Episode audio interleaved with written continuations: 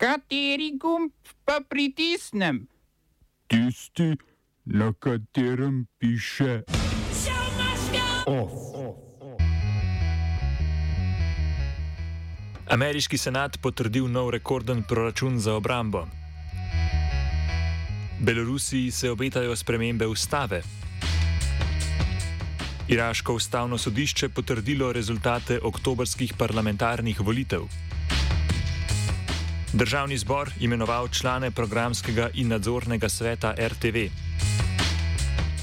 V kulturnih novicah pa prednovoletna poslastica v mladincu.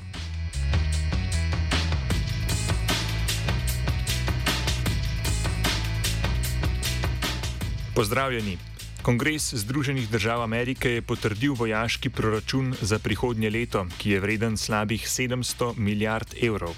Široko podporo je dobil že v predstavniškem domu, kjer so ga potrdili s 363 glasovi za in 70 proti, in v senatu, kjer je za sprejetje glasovalo 89 senatorjev, proti sprejetju pa zgolj 10. Kongres je vojaškemu proračunu dodelil 24 milijard več, kot je zanj zahtevala administracija predsednika Joea Bidna. Ameriški izdatki za obrambo se iz leta v leto povečujejo, saj naj bi tako v ZDA držali prednost pred ostalimi, predvsem Kitajsko. Pri izdatkih za druga področja so predvsem republikanci bolj zadržani, da ne bi slučajno povečali državnega primankljaja.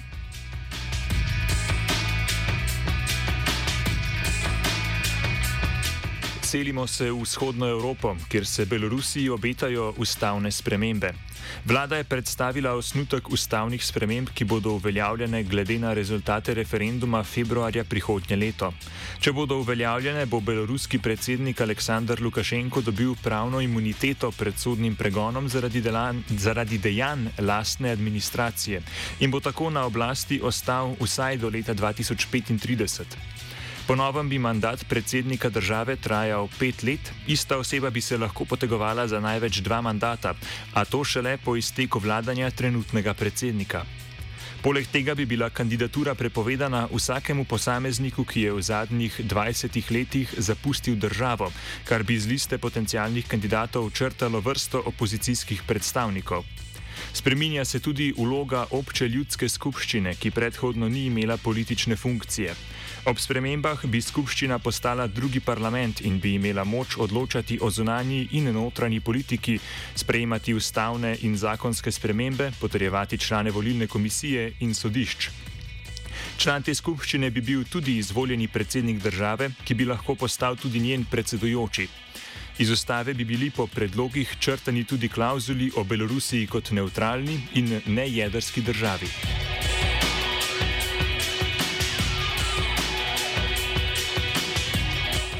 Polski predsednik Andrzej Duda je uporabil svojo pravico veta in zavrnil medijski zakon, ki ga je sprejel parlament.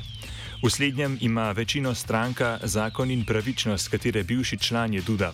Omenjeni medijski zakon predvideva, da organizacije izven Evropske unije ne smejo imeti večinskega deleža v mediju na polskem, oziroma ga morajo v takem primeru v roku šestih mesecev prodati. Tako Evropska komisija kot ZDA sta opozarjali, da bi v primeru sprejetja zakona lahko prišlo do omejevanja medijske svobode in pluralizma. Predsednik Duda je v zavrnitvi zgolj bežno omenil medijsko svobodo in se bolj osredotočil na ohranjanje dobrih odnosov in pogodb z ZDA.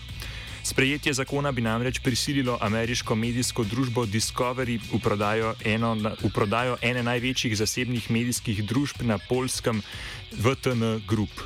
TVN.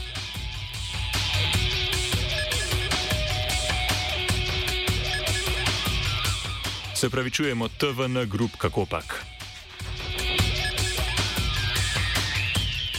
Največja in vladajoča gruzijska stranka, Gruzijske sanje, je v parlament poslala predlog zakona, s katerim bi bil ukinjen urad državnega inšpektorja. Ta preizkuje morebitne zločine, ki so jih zagrešili predstavniki represivnega aparata države. Po novem zakonskem predlogu bi urad nadomestila dva ločena urada. En bi se ukvarjal z varovanjem osebnih podatkov, drugi bi ohranil funkcijo preiskovanja zlorabe oblasti. Nova urada bi bila kadrovsko sestavljena na novo, saj bi bili člani obstoječega urada odpuščeni do meseca marca prihodnje leto. Predlog zakona je vladajoča stranka v parlament poslala po začetku preiskav urada o merebitnem mučenju bivšega gruzijskega predsednika Mihajla Sakašvilija, ki so ga oblasti aretirale v oktobru ob njegovi vrnitvi v državo. Po mnenju gruzijske varuhinje človekovih pravic Nine Lomjarja, predlog zakona krši ustavo in zave, državno zavezo človekovim pravicam, saj skuša posegati v delo neodvisne institucije.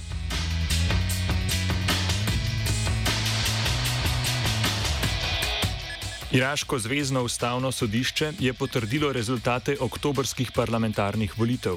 Tako bo največja stranka v državi tudi uradno postala lista šiitskega klerika Moktada al-Sadra, ki je osvojila 73 sedežev, druga uvrščena progresivna stranka jih je osvojila 37. Določene šiitske skupine, ki imajo iransko podporo, so rezultate volitev označile za prevaro in so svojimi podporniki izvedle vrsto protestov.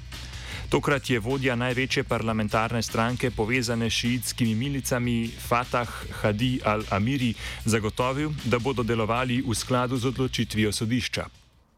Oba, če, če bom odgovoril na angliški. Slovenija bo poskušala pomagati. Slovenija bo naredila naš utmost, da bo rekla, da je situacija naš problem, sami. In bomo naredili nadaljnje korake, as soon as the conditions are. Bomo vlado Marjana Cererera Šarca podprli. Zelo, zelo resno. Slovenija. We know how and we will. Državni zbor je sinoči imenoval 13 članov programskega sveta in 5 novih članov nadzornega sveta Radio Televizije Slovenije. Glasovanje o imenovanju je potekalo brez navzočnosti poslancev LMŠ-ja, SD-ja, Levice, Saba in treh nepovezanih poslancev, ki so sejo protestno zapustili, saj predsedujoči podpredsednik državnega zbora Branko Simonovič se je ni prekinil. Po mnenju opozicijskih strank bi to moral storiti, da se izogne glasovanju o nezakonitih sklepih. Trdijo namreč, da predlogi o novih članih ne upoštevajo zakona o RTV.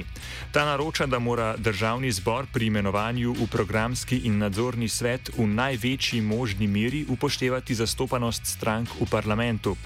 Imenovani kandidati so bili predlagani na podlagi priporočil koalicijskih strank ali koaliciji naklonjenih poslanskih skupin. Da je predlog kandidatov v neskladju z zakonom, je presodila tudi pravna služba državnega zbora, zaradi česar predsednik državnega zbora Igor Zorčič glasovanja ni uvrstil na redno decembrsko sejo. Na predlog koalicijskih poslanskih skupin je bila zato sklicana izredna seja.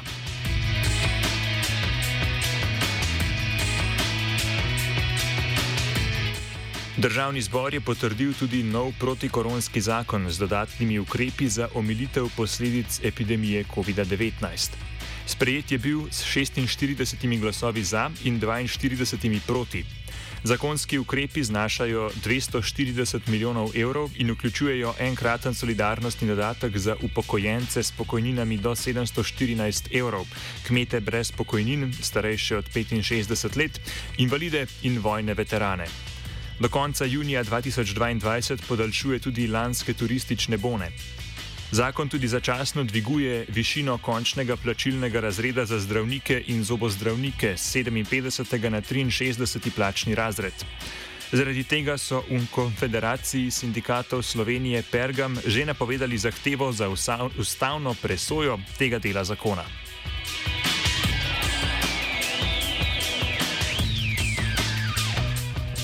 Sinoči je državni zbor sprejel še zakona o davku na dodano vrednost, dalje DDV in zakon o debirokratizaciji. Oba zakonska predloga sta bila sprejeta s 46 glasovi za. Zakon o debirokratizaciji predvideva, da se bodo lahko v centralni registr prebivalstva dodali podatki o mobilni številki in elektronskem naslovu posameznika in začenja prehod uročanja dokumentov na e-naslov. Temu naj bi sicer sledilo še več debirokracijskih zakonov. Zakon o DDV-ju predvideva prenos evropskih direktiv, ki urejajo med drugim plačevanje davka na dodano vrednost pri čezmejnem trgovanju nadaljavo oziroma e-trgovanju. Del opozicije mu je nasprotoval, ker zakon vključuje tudi spremembe pri nakupu električnih vozil v podjetjih in izročanju računov. Tako bi lahko pravne osebe uveljavljale odbitek DDV-ja pri nabavi službenih motornih vozil, če bi bilo to vozilo brez izpustov oglikovega dioksida in ne bi stalo več kot 80 tisoč evrov. Papirnate račune nadomeščajo digitalni, oziroma bodo papirnati urabi izključno na željo kupca. Off je spisal Dominik.